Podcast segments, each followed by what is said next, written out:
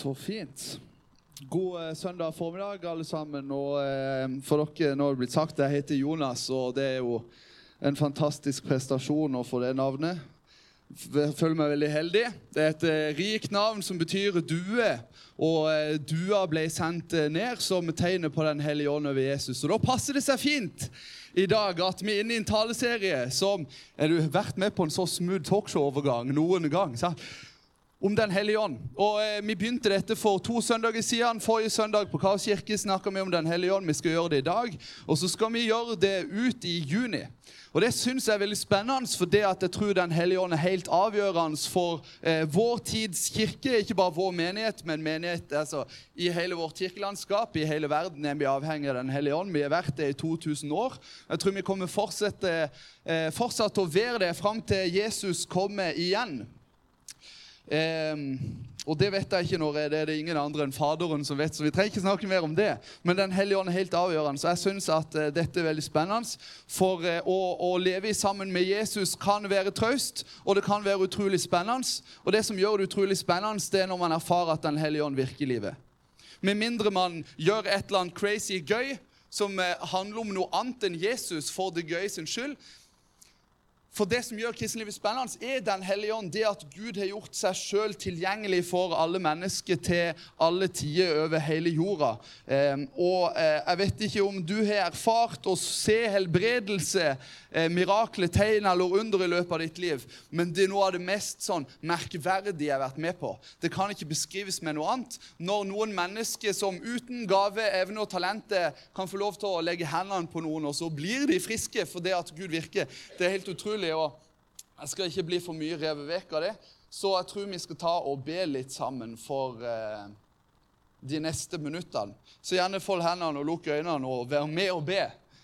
Kjære Jesus, takk for det at eh, denne søndagen kan vi få lov til å gi til deg. Takk for det at vi trenger din kraft, vi trenger din ånd, vi trenger ditt nærvær. Vi trenger at du griper inn og gjør forskjellen.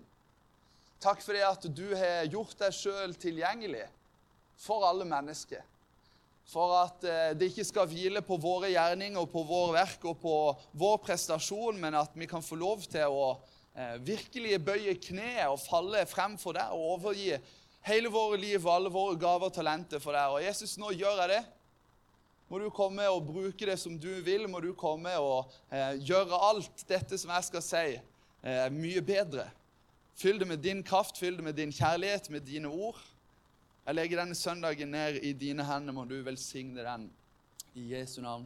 Amen. Og eh, hvis vi er velsigna i dag, så virker det så virker trykkeren. Og eh, eh, som sagt så er taleserien som vi er inne i, den, er, eh, den har to overskrifter, egentlig, to deler. Og vi er fortsatt i den første delen, som dere så her. Hvem er Den hellige ånd? Og I dag så skal jeg snakke om hvorfor kommer Den hellige ånd. Som en underovertittel til hvem er. Sant? Så Den store paraplyen er 'Hvem er Den hellige ånd?' Og så skal vi senere snakke om hva gjør Den hellige ånd, eller hvordan ser livet med Den hellige ånd ut.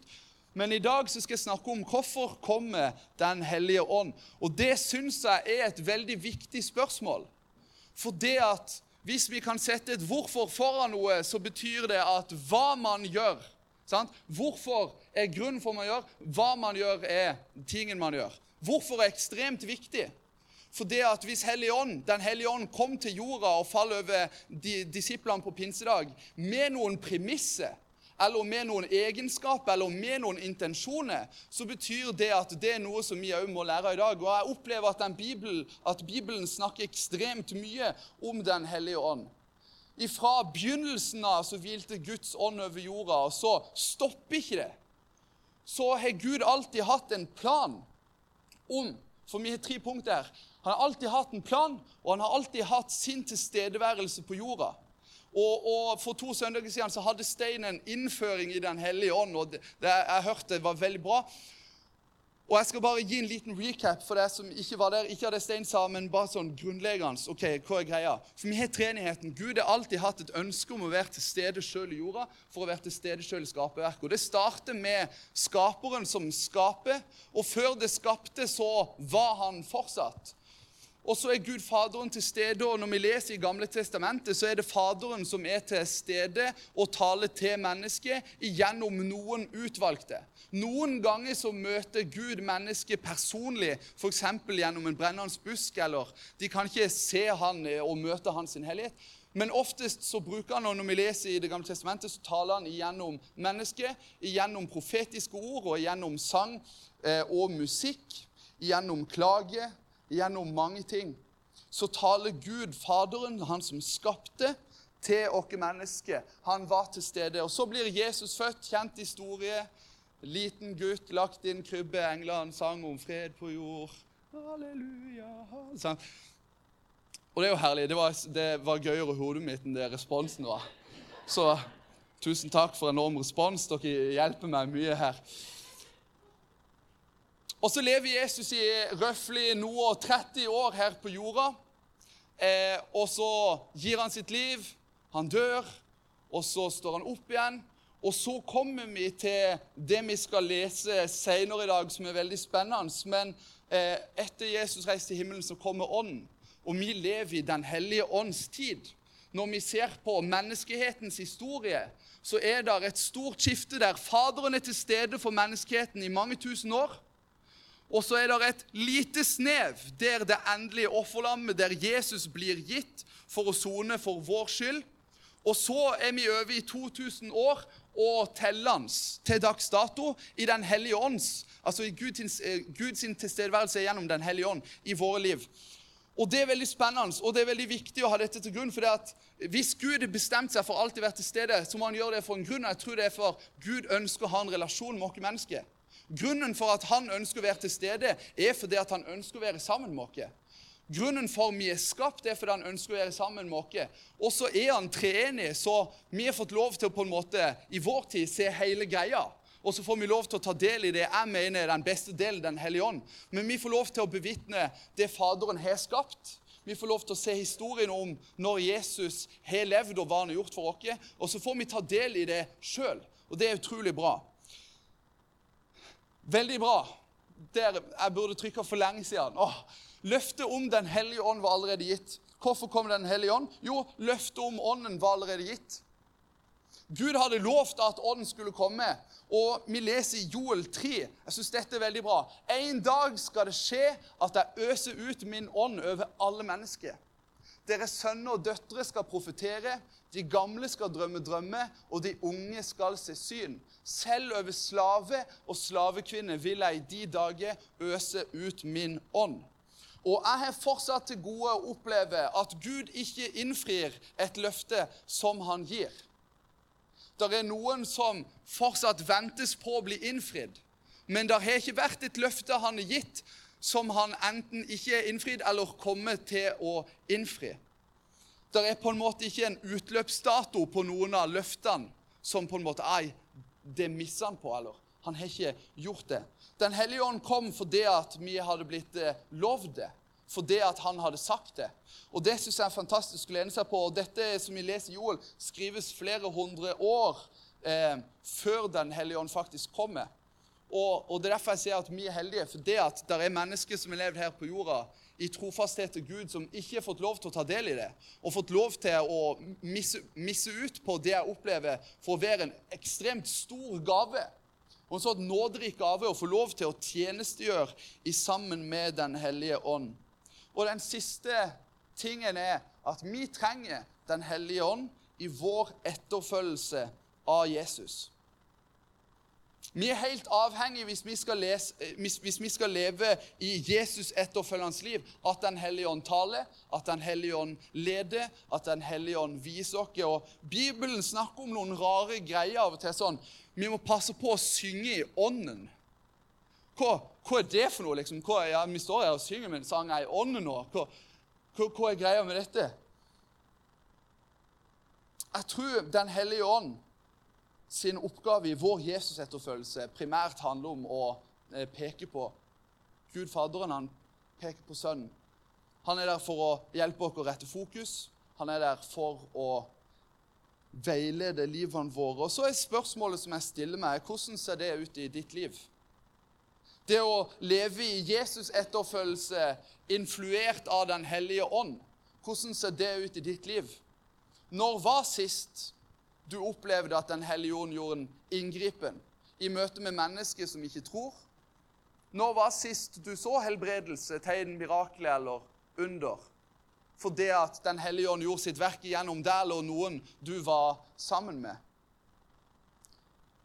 I vår tid i Norge i dag så er disse tingene som jeg snakker om, heller mer mot det unormale enn det normale.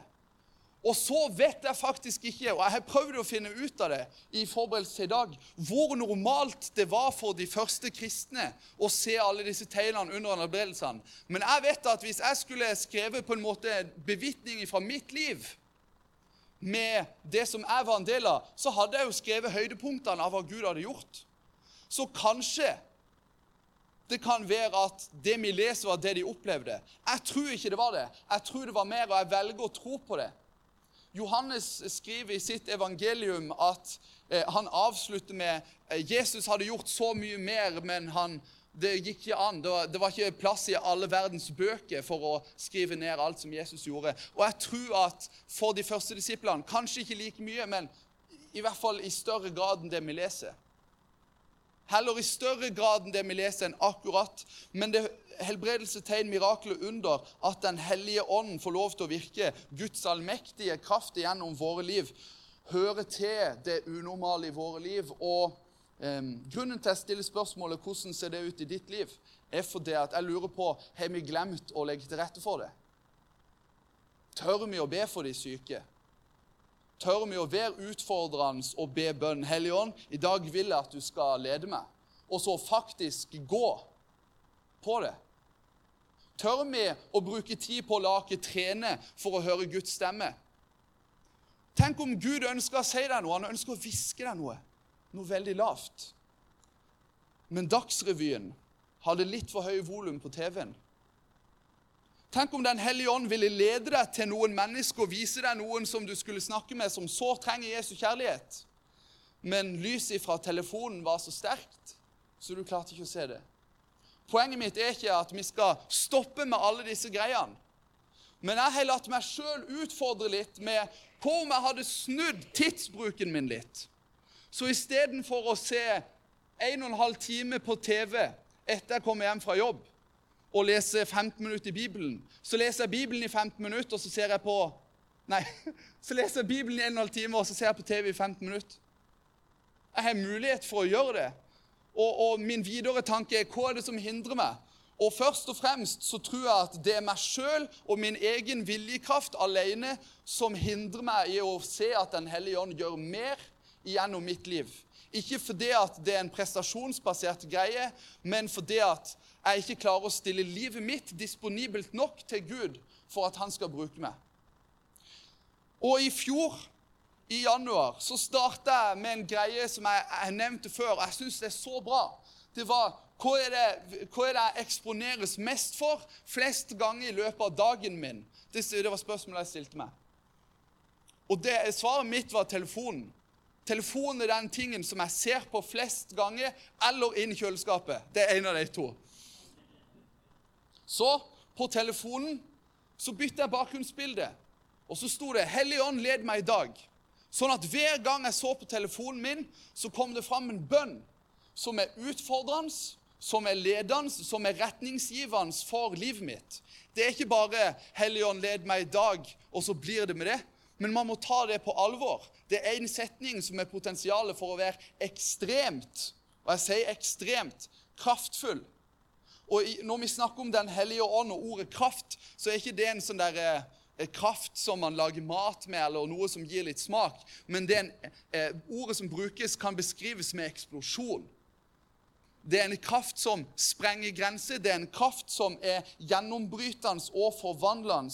Og spørsmålet som jeg stilte meg sjøl, har lyst til å stille deg i dag. Hvordan ser det ut i ditt liv? Og er du kanskje din egen største hindring for Den hellige ånds virke i din etterfølgelse av Jesus. Det er ekstremt utfordrende. Og Jeg beklager hvis du ikke var helt klar for det denne søndagen, men vi skal fortsette eh, å lese hva Bibelen forteller. om Den hellige ånd. Og dette syns jeg er skikkelig bra. Vi leser i Johannes 16 fra vers 4. Og der står det Jeg fortalte dere ikke dette fra begynnelsen av, eh, for da, jeg, eh, for da var jeg hos dere. Jeg skal bare pause der. Ikke fordi at det nødvendigvis er veldig viktig, men jeg glemte å si at vi er inne i Jesu lengste sammenhengende undervisning for disiplene i Bibelen.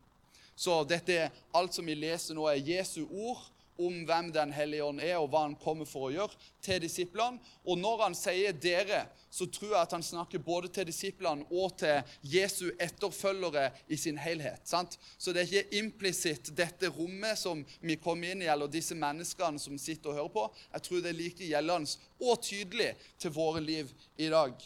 Som vi leser fra toppen igjen, Jesu ord. Jeg fortalte dere ikke dette fra begynnelsen av, for da var jeg hos dere. Nå går jeg til ham som har sendt meg, men ingen av dere spør, hvor går du? For sorg har fylt hjertet deres fordi jeg har sagt dere dette. Men jeg sier dere sannheten, det er det beste for dere at jeg går bort. For dersom jeg ikke går bort, kommer ikke talsmannen til dere. Men går jeg bort, kan jeg sende ham til dere. Og når han kommer, skal han gå i rette med verden og vise den hva synd er, hva rettferdighet er, og hva dom er. Synden er at de ikke tror på meg. Rettferdigheten er at jeg går til far, og dere ser meg ikke lenger. Dommen er at denne verden, verdens fyrste, er dømt. Ennå har jeg mye å si dere, men dere kan ikke bære det nå. Men når sannhetens ånd kommer, skal han veilede dere til hele sannheten. For han skal ikke tale ut fra seg selv, men si det han hører, og gjøre kjent for dere det som skal komme. Han skal herliggjøre meg, for, han skal, for han skal ta det som er mitt, og forkynne det for dere. Alt det som min far har, er mitt. Derfor sa jeg at han skal ta det som er mitt, og forkynne det for dere. Og jeg syns at dette er kanskje er litt mye tekst sammenhengende som går gjennom min preken, men jeg skal stykke det opp for dere og gi dere det jeg opplever for å være noen highlights fra denne biten her. For det at Jesus han snakker veldig tydelig ikke bare om at Den hellige ånd skal komme, men om noen av egenskapene og hva Den hellige ånd skal komme for å gjøre. Og Den første delen som jeg biter meg merke i, det er nettopp dette. Det er det beste for dere at jeg går bort og Jeg vet ikke om du klarer helt å forestille deg hvor ekstremt utfordrende denne setninga må være for disiplene å høre. For det at dette går mot slutten av Jesus' sin tjeneste Disiplene tipper jeg, det er min antakelse, merker at det begynner å storme litt rundt dem, og kanskje det er gjort det en stund. Og Jesus snakker veldig tydelig i kapitlene som ligger bak her, òg, om de neste tingene som skal komme. Og så på toppen av det for han, han er sagt 'Jeg skal dø, og jeg skal forlate dere.' Og så sier han 'Men det er til det beste'. Og hvorfor i all verden sier Jesus det? Jeg tror det handler om primært én ting alene. Og det er at Jesus var geografisk begrensa til å kun favne der han var med sitt eget vesen. Ord om hvem han har, kunne vandre videre, men Guds kraft til stede på jorda gjennom Jesus, var begrensa til hans kropp. Og det er det ikke med Den hellige ånd. Så når Jesus sier 'det er det beste', det er fordi at han vet at å oppfylle profetien som blir gitt i Joel om at Guds ånd skal komme over alle mennesker, over slaver og slavekvinner, sånn at de unge, sånn at sønner og døtre, sånn at de gamle skal få lov til å ta del i Guds herlighet og hans allmakt, det er det beste for alle mennesker. Og hvis Jesus sier at det er bedre, ja, ja, da får jeg stole på det, da. Men så tror jeg jammen det òg. Fordi at Jesus i 2000 år hadde vært fram til i dag, hvis han hadde levd så lenge, han hadde blitt veldig gammel, hadde fortsatt vært begrensa. I vår tid i dag med sosiale medier og med video og alt mulig, kanskje han hadde vært mer tilgjengelig. Men ikke nødvendigvis like personlig. For Den hellige ånd er personlig. Det kommer inn på innsida. Når du erfarer Den hellige ånd virke i livet ditt, så gjør, gjør det ikke bare med på en måte heisene og de gode tingene, men det gjelder òg når du synder. Så kan det være som å få et spark i magen, en sånn klump som vrir seg. Når du gjør noe galt, så minner Den hellige ånd på deg. Det du gjør nå, er ikke riktig. og Det er ikke godt å kjenne på, men det er så personlig Gud har gjort seg i våre liv. Det betyr at det er faktisk det beste for oss at Den hellige ånd er blitt gjort tilgjengelig for alle. Og før vi hopper det, Jonas Gahr Støre blitt nevnt tidligere. da. Nå er det vanlige folk sin tur. Jeg synes Det beskriver Den hellige ånd veldig fint. Det er vanlige folk sin tur. Det er ikke de spesielt utvalgte eller talentfulle. Det er vanlige folk sin tur, og det er alle. Og så eh, tror jeg det løftet står fast, for det er strømprisene og alt blir dyrere, så det er ikke vanlige folk sin tur i Norge i dag. Men Den hellige ånd er for vanlige folk. Den er for til og med slav og slavekvinner. De som ikke hadde egen stemme for sitt eget liv de som eh, måtte underordne seg absolutt alt, og i de mest normale tilfeller eh, ble undertrykt, drept, mishandla. Gud gjort tilgjengelig for dem, fordi han ønsker å bruke dem. For det at hans verdi er stempla over de sine liv. Den hellige ånd har flere oppgaver som vi leser i disse versene. Og Den ene er at han skal vise hva synd er, han skal vise hva rettferdighet er, han skal vise hva dom er. Og dette synd, rettferdighet og dom er i utgangspunktet er litt negativt lada ord. Det er ikke sånn når man hører disse tre årene, så er wow, nå ble jeg oppløfta. Nå skal jeg ut og tjene Herren. Synd, dom og rettferdighet. Det skal vi ut og forkynne. Men så tror jeg likevel at det er noe med disse tingene som kan legge nød på våre hjerter. Det trenger ikke å være det mest oppløftende eller inspirerende eller sånn happy, clappy stemning, men det kan gi oss nød for mennesker rundt dere. For synden er at de ikke tror på meg. Og vi kan snakke mye om hva er synd, hva er ikke synd, hva er gråsone. Er liksom, er forsøpling synd? Mister du på en måte eh, Bommer du på målet hvis du ikke ivaretar Guds gass? Men Jesus han på en måte, han trekker en ytterligere parallell. Synd er at de ikke tror på meg. Betyr det da, i ytterste konsekvens, sant, at mi, vårt oppdrag er å hjelpe mennesker ut av synd? Tenk på det. De som ikke tror på han, de som ikke tror på Jesus, er egentlig vårt mål da å hjelpe dem ut av synd. For hvis, Det er jo ekstremt synd, de som ikke tror på han, for jeg tror på en skjebne for de sitt liv som er fraskilt ifra Guds fulle, hele og gode kjærlighet. Så betyr det da, hvis det er det som er synd, og så tror jeg det kan være mange andre ting, men at vi skal hjelpe dem ut av synd. Hjelpe dem ut av måten som de lever livene sine på nå. Synd er at de ikke tror på meg. Det andre er rettferdighet. Det er at Jesus går til sin far. Og det er rettferdighet i, på en måte, i dobbel betydning. Rettferdighet overfor Jesus for det at han fikk det som han faktisk hadde gjort seg fortjent til. Jesus hadde dødd og fra livet sitt, levd perfekt hellig, og derfor, på grunn av han levde i den helligheten, så får han lov til å ta del i Guds hellighet. Men så er det òg rettferdighet for vår skyld, for det at vi blir gjort rettferdige igjennom Jesus. Så det, Hva er rettferdigheten, da? Jo, det er at du er blitt kjøpt fri. Nåden du mottar, er ikke gratis. Han er bare ekstremt dyrt kjøpt og allerede betalt for. Og så får du lov til å ta del i himmelen og i sammen med Guds hellighet fordi at du er gjort rettferdig. Den siste er at Den hellige ånd skal Oi, beklager. Eh, at eh, Den hellige ånd skal Vi tar det fra begynnelsen. Den tredje dom. Den hellige ånd skal vise oss dommen, og det at verdens fyrste er dømt.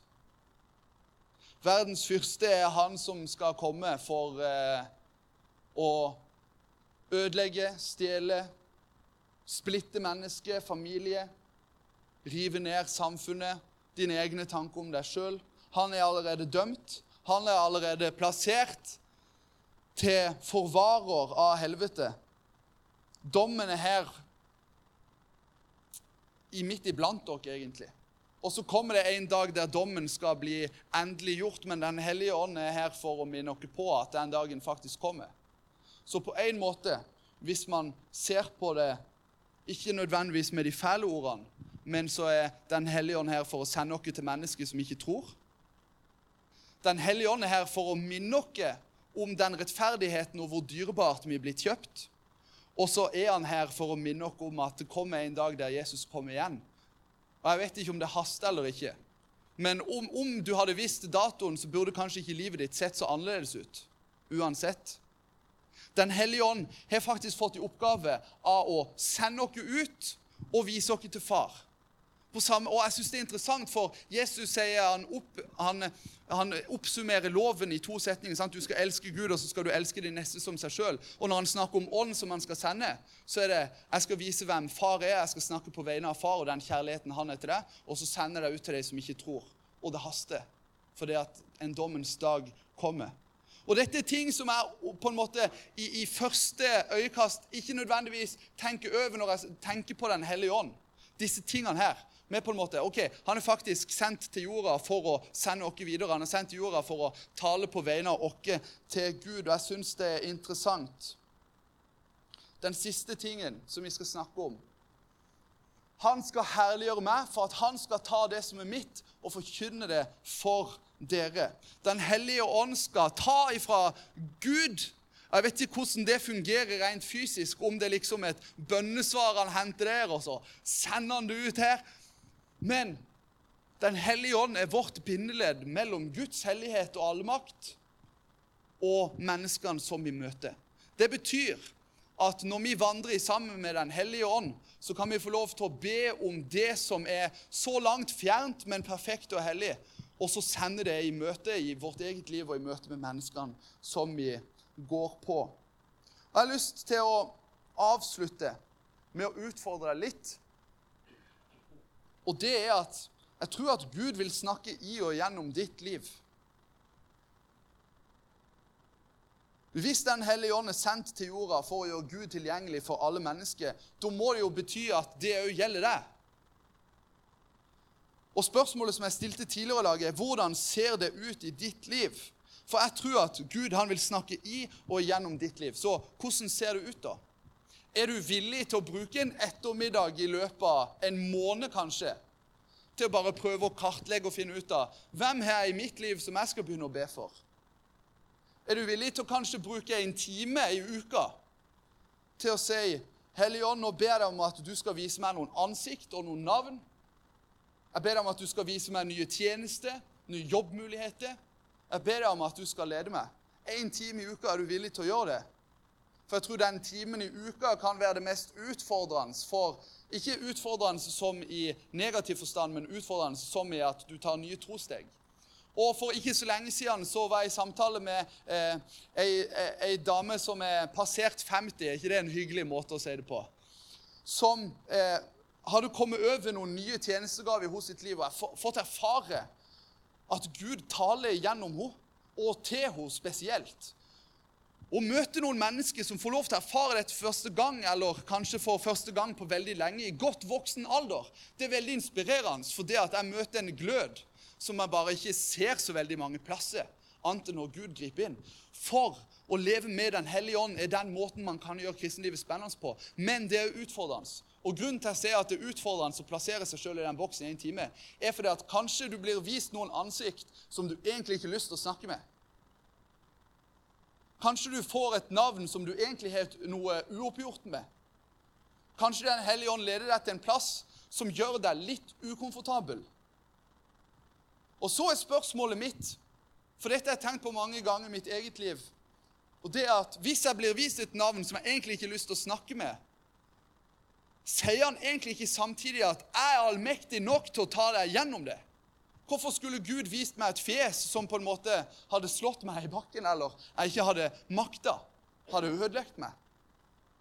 Han kommer ikke til å gjøre det fordi han har lovt å gå sammen med oss i den tjenesten. Og i mitt liv, Jeg tror ikke jeg har fortalt dette på gudstjeneste før, men jeg har gjort det i ungdomsarbeidet. Så har jeg en opplevelse som har eh, plaga meg ganske dypt over veldig mange år. Dette skjedde mens jeg var 15 år og gikk i 10. klasse og bodde i Lyngdal. Jeg kaller det for Geir-opplevelsen, og det er ikke noe med Geir Hesjestad å gjøre. jeg lover. Men Geir-opplevelsen er eh, banebrytende for meg, for den gjør at noen ganger så klarer jeg veldig tydelig å skille fra mine egne tanker og Guds stemme pga. denne hendelsen. Det som skjer, er at jeg eh, springer til butikken i storfri på skolen, så jeg gjør noe egentlig ikke lov til, og så kan Gud fortsatt bruke meg der. Wow. Og På vei til butikken så ser jeg en lastebil, og på den lastebilen så er det et navneskilt framme i ruta der det står Geir. Og Idet jeg leser det navnet som står der, så begynner hjertet mitt å slå ganske hardt. Og det er veldig rart, for det er veldig mange sosiale barrierer og ting som ikke henger helt på greip hvorfor Gud skulle bruke meg. Og jo nærmere jeg går denne lastebilen, jo hardere banker hjertet, og tanken skyter inn. Du må stoppe og banke på og spørre hvordan det går. Du må stoppe og banke på og spørre hvordan det går.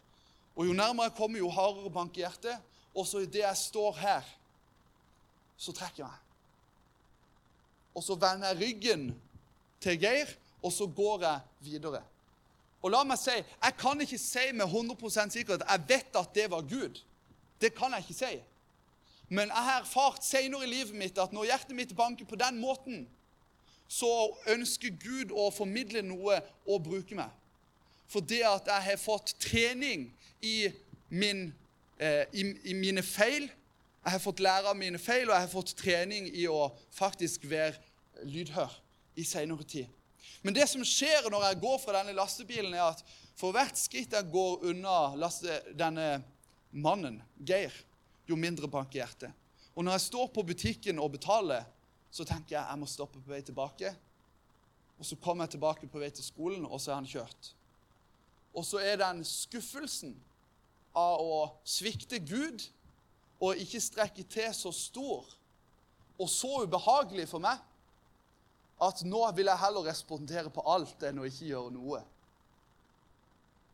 For tenk om det var den samtalen som var livsforvandlende for hans sine år. Og så tror jeg Gud fortsatt kan bruke andre mennesker for å nå han, at han ikke er fortapt. sant? Det ser ikke så stort på meg sjøl. Men han kunne fått et bedre liv i sin Jesus-etterfølgelse fra den dagen av. Fram til når han eventuelt blir møtt med evangeliet på nytt. Poenget mitt er dette. Gud ønsker å bruke deg i ditt liv. Men det er veldig vanskelig for han å gjøre det hvis du ikke er lydhør. Og i disse tider som vi lever i nå Jeg vet ikke helt hvilke tider det er, men jeg hører veldig masse om dagen, spesielt fra barn, som blir minnet om å be for mennesker som har falt ned trapper, som er syke. Om barn som ber eh, for frelse, om frelse for vennene sine på skolen og i barnehagen. Små barn som ber for foreldrene sine, og så blir de friske. Og jeg har ikke lyst til å være feigere enn en treåring. Er dere med? Jeg, med min kunnskap og mitt levde liv, og jeg er bare 25 Det er mange her som har levd med Jesus mye lenger enn meg. Jeg har ikke lyst til å være dårligere. Jeg har lyst til å være med på det som Gud gjør. Men det betyr at jeg må stille hjertet mitt og tankene mine og livet mitt til disposisjon for at han skal bruke det. Og det trenger du òg. Og så håper jeg at når jeg besøker dere nå 4. juni, så skal vi ha avslutningsmøte, så dere får mye mer i monitoret de neste. Men jeg håper at når vi møtes om fem år, eller om to år eller tre år, så møter jeg masse vitnesbyrd av åndsfylte, brennende mennesker som erfarer at Gud virker i og gjennom de sine liv, og som i frimodighet tør å løfte det opp for hverandre og for fellesskapet. For det jeg vet om vår tid, uansett hvilken tid det er, så er det at mennesker så sårt trenger evangeliet og Den hellige ånd har sendt dere for å utruste dere, for å hjelpe dere og for å virkelig tale inn i de sine liv gjennom din tjeneste. Så vi tar og ber sammen, så kan lovsangsteamet komme opp. Kjære Jesus, takk for det at du har gitt ditt liv, og takk for det at du anbefaler oss på det varmeste at Den hellige ånd skal komme. Takk for det at vi kan få lov til å ta del i det som du gjør i verden. At vi kan få lov til å underordne oss ditt kall og din plan og din hensikt. Jesus, takk for det at du ønsker å bruke hver og en her. Takk, Jesus, for det at eh, tida alltid er moden. Alltid moden for å spisse ørene til hva du ønsker å si. Jesus, jeg ber for denne søndagen, men jeg ber spesielt for denne uka som kommer nå. Og om at vi skal gå utfordra, kalt og sendt inn i uka som kommer med evangeliet tett på brystet, med din kjærlighet utpå kroppen, med din glede som et smil rundt munnen som mennesket ikke kan ta feil av. Jesus, jeg ber deg om at du skal utfordre oss. At vi skal klare å prioritere, åpne våre hjerter og spisse våre ører for å høre din stemme. Sånn at du kan tale i og gjennom våre liv. Sånn at du kan gjøre mirakler og tegn under med at vi legger våre ubrukelige hender på mennesket vi møter. Jeg synes jeg ber deg om at du skal legge din frimodighet over denne menigheten. At vi skal få ta del i din ånds djervhet. Jeg synes jeg legger resten av den søndagen i dine hender, og du velsigne den. I Jesu navn. Amen.